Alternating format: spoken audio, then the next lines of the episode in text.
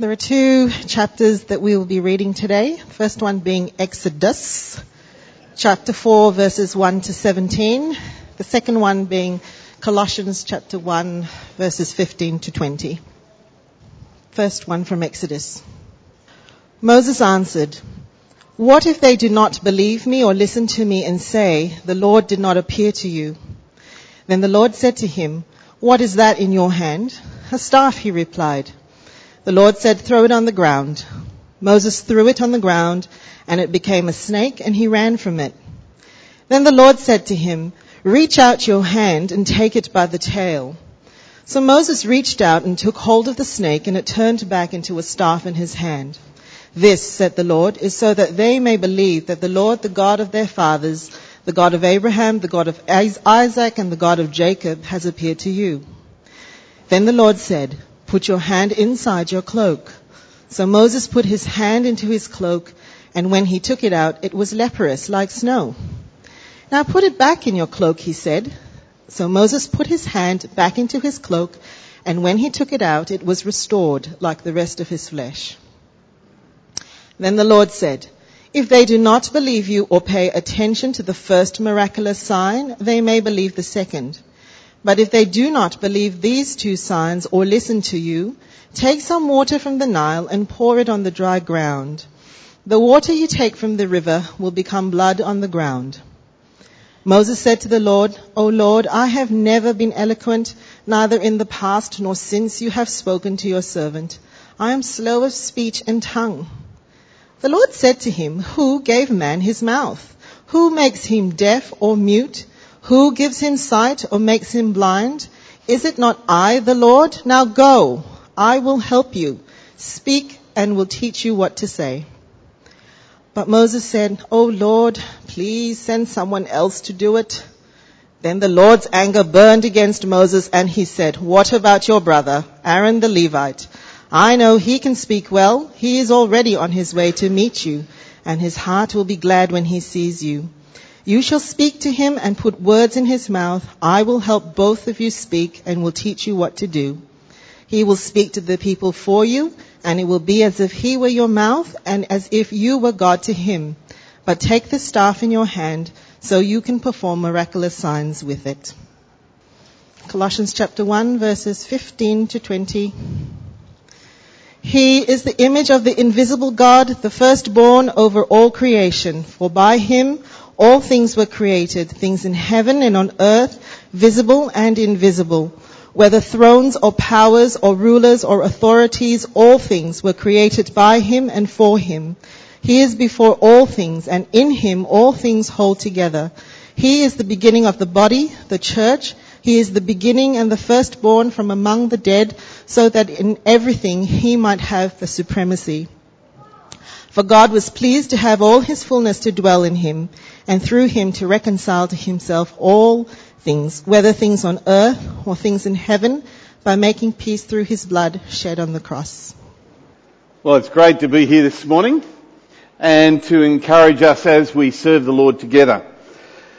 We're looking at God's mission and I know God's got something to say to me and to you this morning. And can we just ask God to do that now? Let's pray. Lord, we know that you have a great mission and we want to know that mission. And we ask that you would speak to us now this morning that we might do your work here on earth. And we pray this in Jesus' name. Amen. Friends, uh, I love coming here and being part of this family. It's, uh, it's great to see you here as we grow in faith and understanding and make an impact for the Lord Jesus here. And it's a delight for me to be here with you today. God has always wanted a people for himself. And this is particularly seen way back in Abraham's time when God called him to be the person to show the, the love and the awesome power of God. And Abraham was to bring the name of God and honour Him in his life. And the people of God were, were to revere Him and the nations were to be drawn to Him through His descendants. 400 years later, during the time of Moses, God's promise that his special people would reflect the glory of God to the nations still had not been fulfilled in any measure at all. And God was calling his people out of Egypt to tell the world what, we, what he was like. And that God is a God who saves his people. In Exodus chapter 3, the passage just before Valerie read to us uh, this morning, Moses has an encounter with God and this sets the stage for the rest of the book of Exodus. In the middle of nowhere, we see in chapter 3, Moses sees this burning bush. He sees it's clearly of God. So he takes off his sandals because he knows he's approaching God and, and this is a holy place. And in this place, God spoke to him and he spoke to God. And the message that was given was that God was going to fulfill his promise and Moses was to be the vessel by which this promise was to take place. And God was wanting his uh, people to be blessed and to be a blessing for the nations for him. You know, it's no different today. The glory of God is our greatest goal. I'll say it again. The glory of God is our greatest goal. May the name be, God's name be honoured in our hearts and the hearts of all people on this earth. God's mission was to bring His people to Himself so that we might honour Him.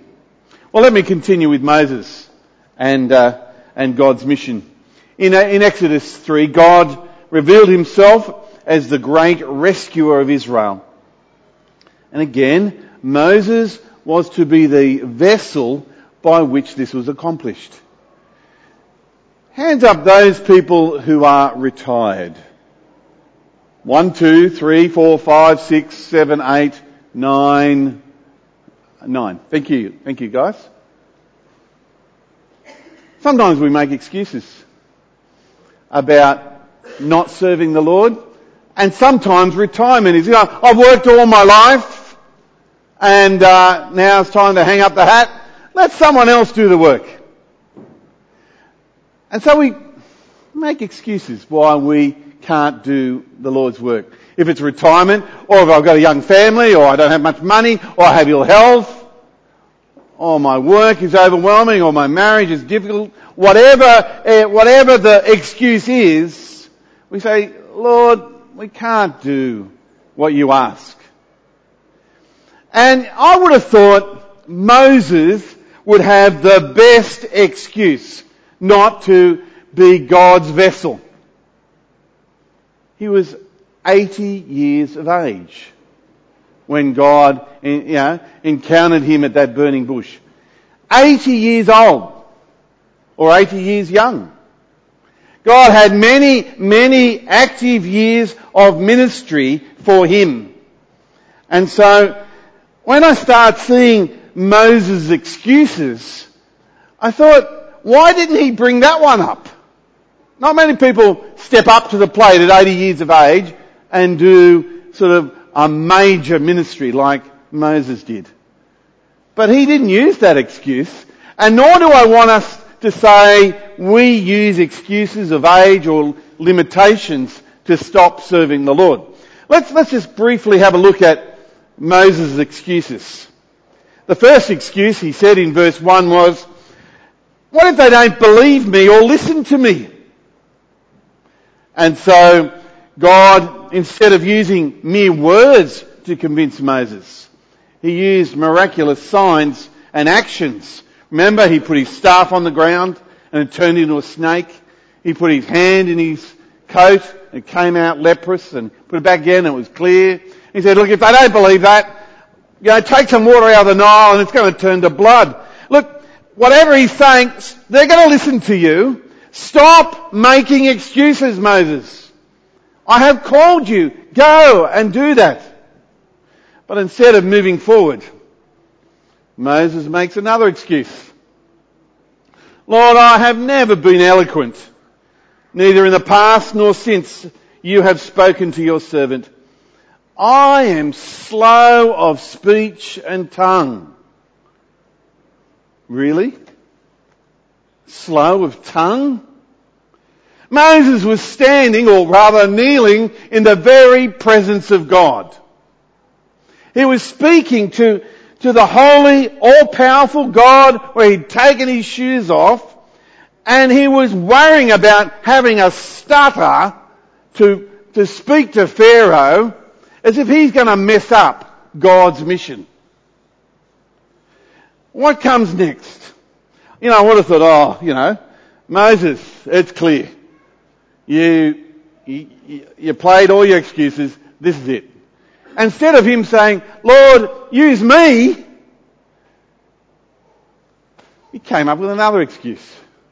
And he said, I'm too scared. Please send someone else. At this point, we read uh, when uh, Valerie was reading that passage that God was angry with Moses because Moses uh, lacked lack of abilities. He saw was not so much his lack of abilities, but rather he he lacked the faith in God who had given him his abilities. And Moses uh, finally agrees to go on behalf of God, but only after God offers his brother Aaron to be a mouthpiece to Israel and to Pharaoh. Now, before we get too frustrated with Moses, I just want to say, aren't we, aren't we like that? Don't we make excuses? I know I do. Has, has not the same all-powerful God and holy who spoke to Moses, hasn't he spoken to us and done something marvellous? Has not God had a greater rescue mission for us other than Exodus? Because the rescue mission that we know of is the, the good news of our Lord Jesus Christ. What He has done for us. Has not God done a marvellous thing for us by Jesus dying for us and rescued us from, from, you know, from hell? Because He died in our place. You see, Moses had a problem and uh, he lacked faith. He was looking at the, the mission impossible uh, rather than looking at the one who, who laughs at the impossible. And just like Moses, I reckon, yeah, we do that too. We, we, we lack faith. We hear the Great Commission and, and immediately we, we come to, to give our excuses why we can't tell others about Jesus. Lord, I'm too tired. I'm too overwhelmed. I'm too, and you put your excuse in. The truth is, excuses come from the assumption that that the mission rests on us or we're, we're doing God's mission and we are to fulfill it when, when we see it's never like that. It's actually God's mission.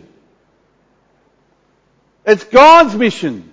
And we have the privilege, the absolute privilege to accomplish His mission. And we, like Moses, are mere vessels by which God's mission is accomplished.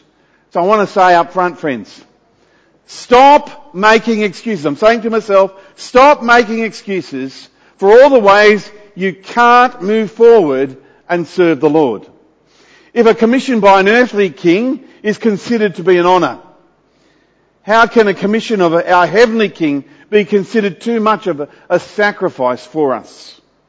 The Great Commission, you know, in, in Matthew 28 is not an option that to be considered, but a command to be obeyed.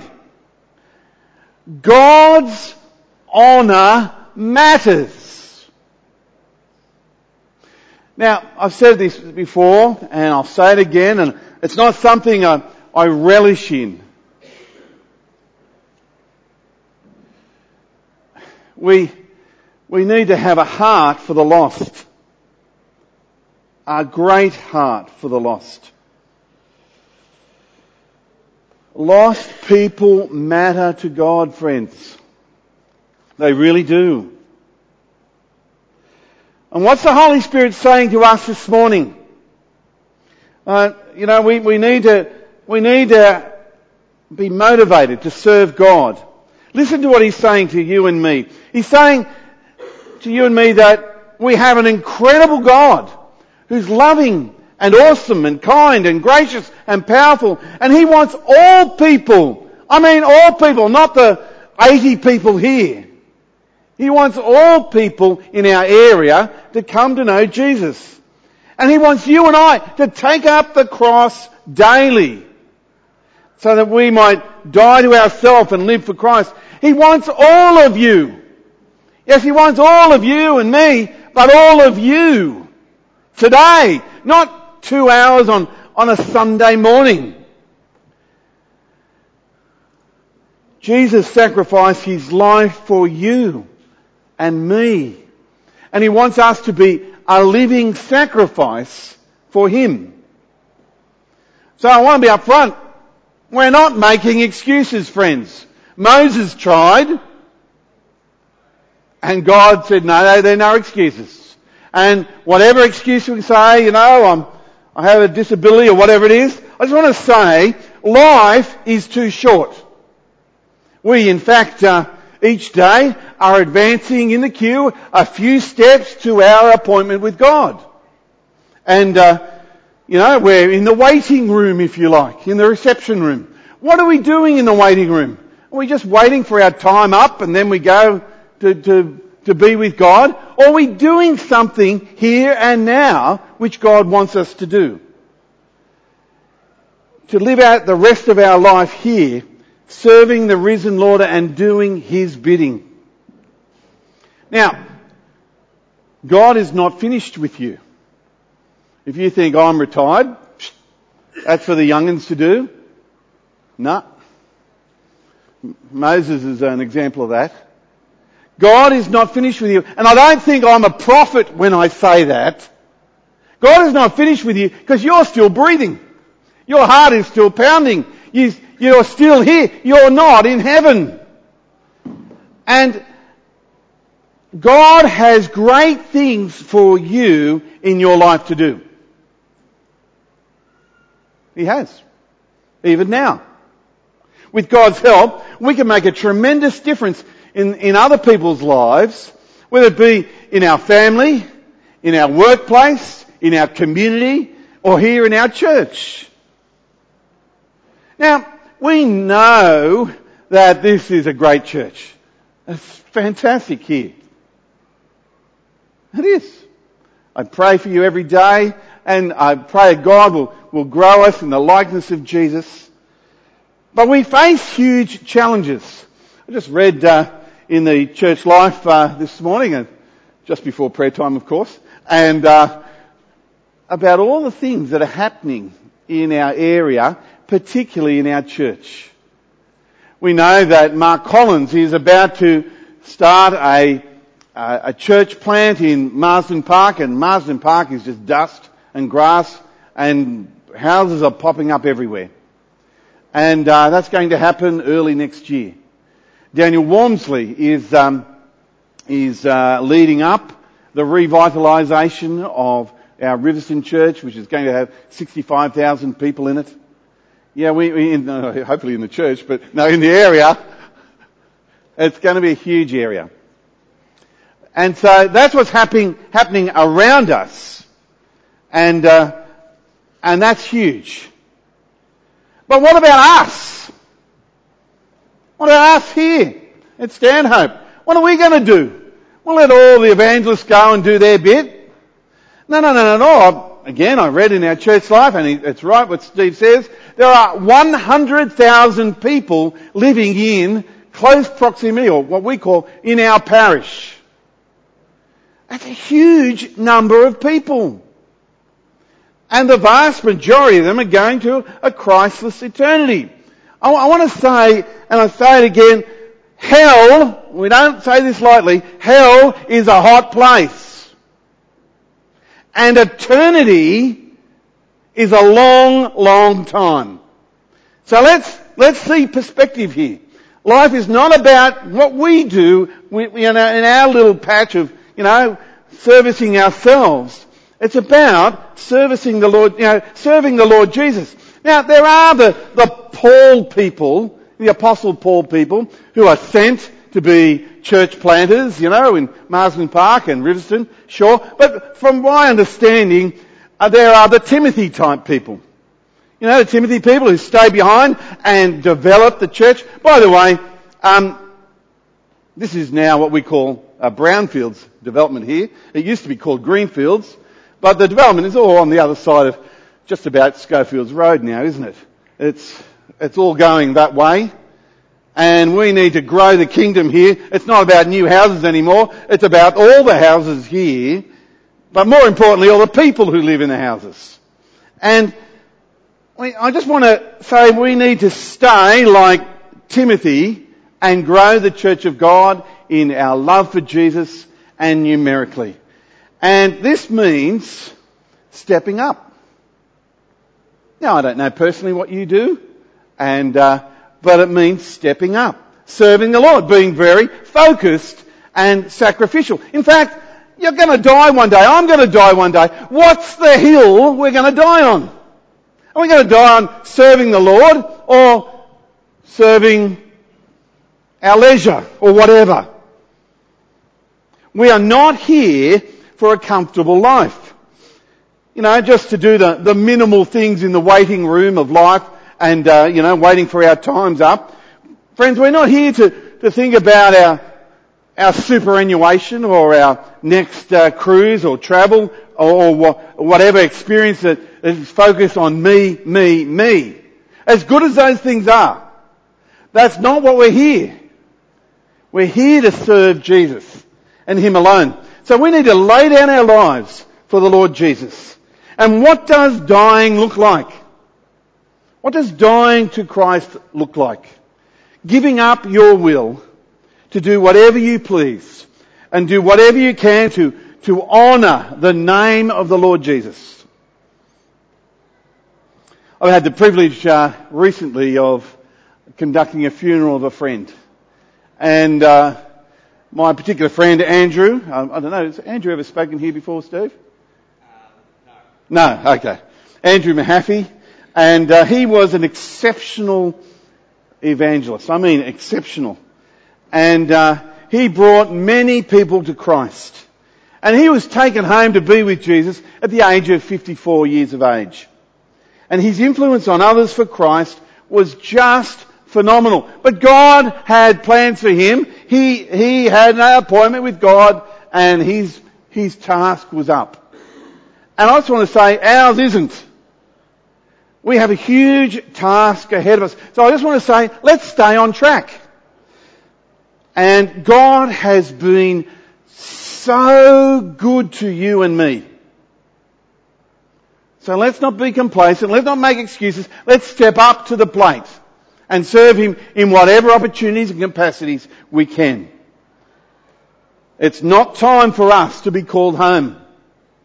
So, let's serve the Lord now when we serve Him. We're not, we're not doing God a favour. We're not helping God out. On the contrary, it's a privilege to serve Him. And nothing else matters in life. So I want to say to you, friends, come and join us, our leadership here, our congregation here, that we might serve the risen Lord Jesus. Take up our cross and die to self and live for Him. What does that look like? Well, we, we talk about growing in faith and we talk about how we need to be men and women of the Word and prayer, uh, and we're encouraging us all to, to read our Bibles daily. Uh, it also involves, you know, God has lavished so much on us we want to be lavishing on others and with our time, with our money, with our passion. You know, we, we have a church here at Life, we roll up our sleeves. We, we get into it. We, we're here for a purpose. And go and do it. Now, if you're not sure, let me, let me be very specific. I know Steve says it very regularly, but if you're part of our church, and I know you are, the expectation is that you'll be growing in your faith in Christ. That you, that's a, a self-discipline and you'll be in a life group that also helps you do that. And in terms of ministry, we expect you to be on all the rosters, whatever. We seem to produce rosters for everything, don't we? And get on a roster. But in addition to rosters, do one ministry. One ministry well. There are exceptions to that. But that's not that difficult really to understand. Yeah, get involved in the community, but do one ministry. By the way, the ministry might not necessarily be here at, at Life Church Stanhope. It mightn't be. It could be at work, it could be whatever. But it's usually about 80% of people have their ministry in the local church. But do one ministry well. Whether it's uh, with kids church, whether it's with scripture, whether it be a prayer ministry, or with whatever it is. So, let me say, if you're not doing ministry well, don't wait for Steve or Phil or someone else to come up to you and say, oh, I've been thinking, you know, inviting you. Of course, when they, they, those circumstances come, you listen. Don't, don't wait for the opportunity to, you know, to be in your face. Take an initiative. You know, we're, we're here under God. We're, we're given the authority to serve the Lord. Let's take an initiative and do something. And do not resist. I, um, I have had the privilege of, uh, I used to be a high school teacher. An old uh, teaching friend of mine, a, a, colleague and family friend, was sharing her, her life story recently with my family. And she spoke about her mum who, um, who went through an awful marriage and an absolutely horrid divorce. And because of this harrowing experience, it was clear that Jen's mum had hardened her heart to the things of God. Jen's mum was an active tennis player and she had as her tennis partner for 10 years John Chapman. Now John Chapman happens to be, if we're not sure, probably the, the most significant evangelist Sydney has ever raised. And Jen's mum had still hardened her heart. Now, no doubt John would, in his own sort of way, would have spoken about the things of God to her, but no, she wasn't budging. She resisted all the way through. And it wasn't until she was 74 years of age, she became a real born again Christian and she, and her life was radically changed. But it happened in a most unusual way. You see, her car broke down one day and the uh, NRMA road servicemen came out and fixed her, her car and in the course of time they they were speaking about a number of things. And the mechanic said to her, you know, you need to come to Jesus. And, and she did. She thought about it. That day, Jen's mum became a Christian. And she's never been the same since. Now I want to say something here. An ordinary person like you and me, a mechanic, just like us, was used by God to bring this lady to Christ. It wasn't the great evangelist, John Chapman. It was just someone like you and me. Now we don't know fully what the effects of our actions will have on eternity. But God has allowed us to stay on this planet to do a job. It would be inconceivable if you came up with a cure for cancer and you hid it from the rest of humanity. How much more inconceivable to keep silent the cure for eternal wages of sin. It was, um, I hadn't known the song you guys led us in this morning, uh, Jeff and Matt. You guys sound a bit like Simon Garfunkel together. Anyone ever said that? Uh... no, no, I want to go there. The harmonies and everything else. I, I um, it might be a little quirky thing of mine. Um, it's, I used to love singing along with Simon Garfunkel music and passionately sing it. Yeah, you know, I'm the rock and all those sorts of things we used to sing. But you know what? I was so passionate about it. It didn't change anything. It was just something I sang and it had some chord that it rang in my heart or something. I don't know. But I wonder if my sort of passion for Simon Garfunkel, but doing nothing about it really, is a bit like the song we might have sung this morning. We sang these words, set your church on fire, unleash your kingdom's power. We sang this. You made us for much more. We are the church. We are the hope of the earth. Build your church here, we pray. Friends, we sang that song. Is it going to be like how I used to sing Simon Garfunkel, sing the song and no effect? You know, we can be passionate about it, but are we actually going to do something about it? Are we going to live those words that we have just sung? Well, I've been passionate this morning, no doubt. And we need to serve the Lord here. You know, next week we're going to, to hear uh, Graydon Colville come and, and share with us the need to have a, a global vision for serving the Lord. And that is right. And we need to be serving the Lord wherever we are. You know, our God is a God of second chances. We all know that. But there is no second chance to a ripe harvest of a ripe crop. You mightn't have the gift of evangelism, but we do have the gift of invitation and friendship. So let me conclude by saying, come with me, come, come with the leaders of this church as we serve the Lord and serve Him well and do His mission and serve Him passionately. Let's pray. Heavenly Father, you are to be loved and glorified. You are awesome and mighty and loving and kind. And we find that incredible. With every breath that we take, may we serve you and make a difference in the lives of others, we pray. And Lord, here am I.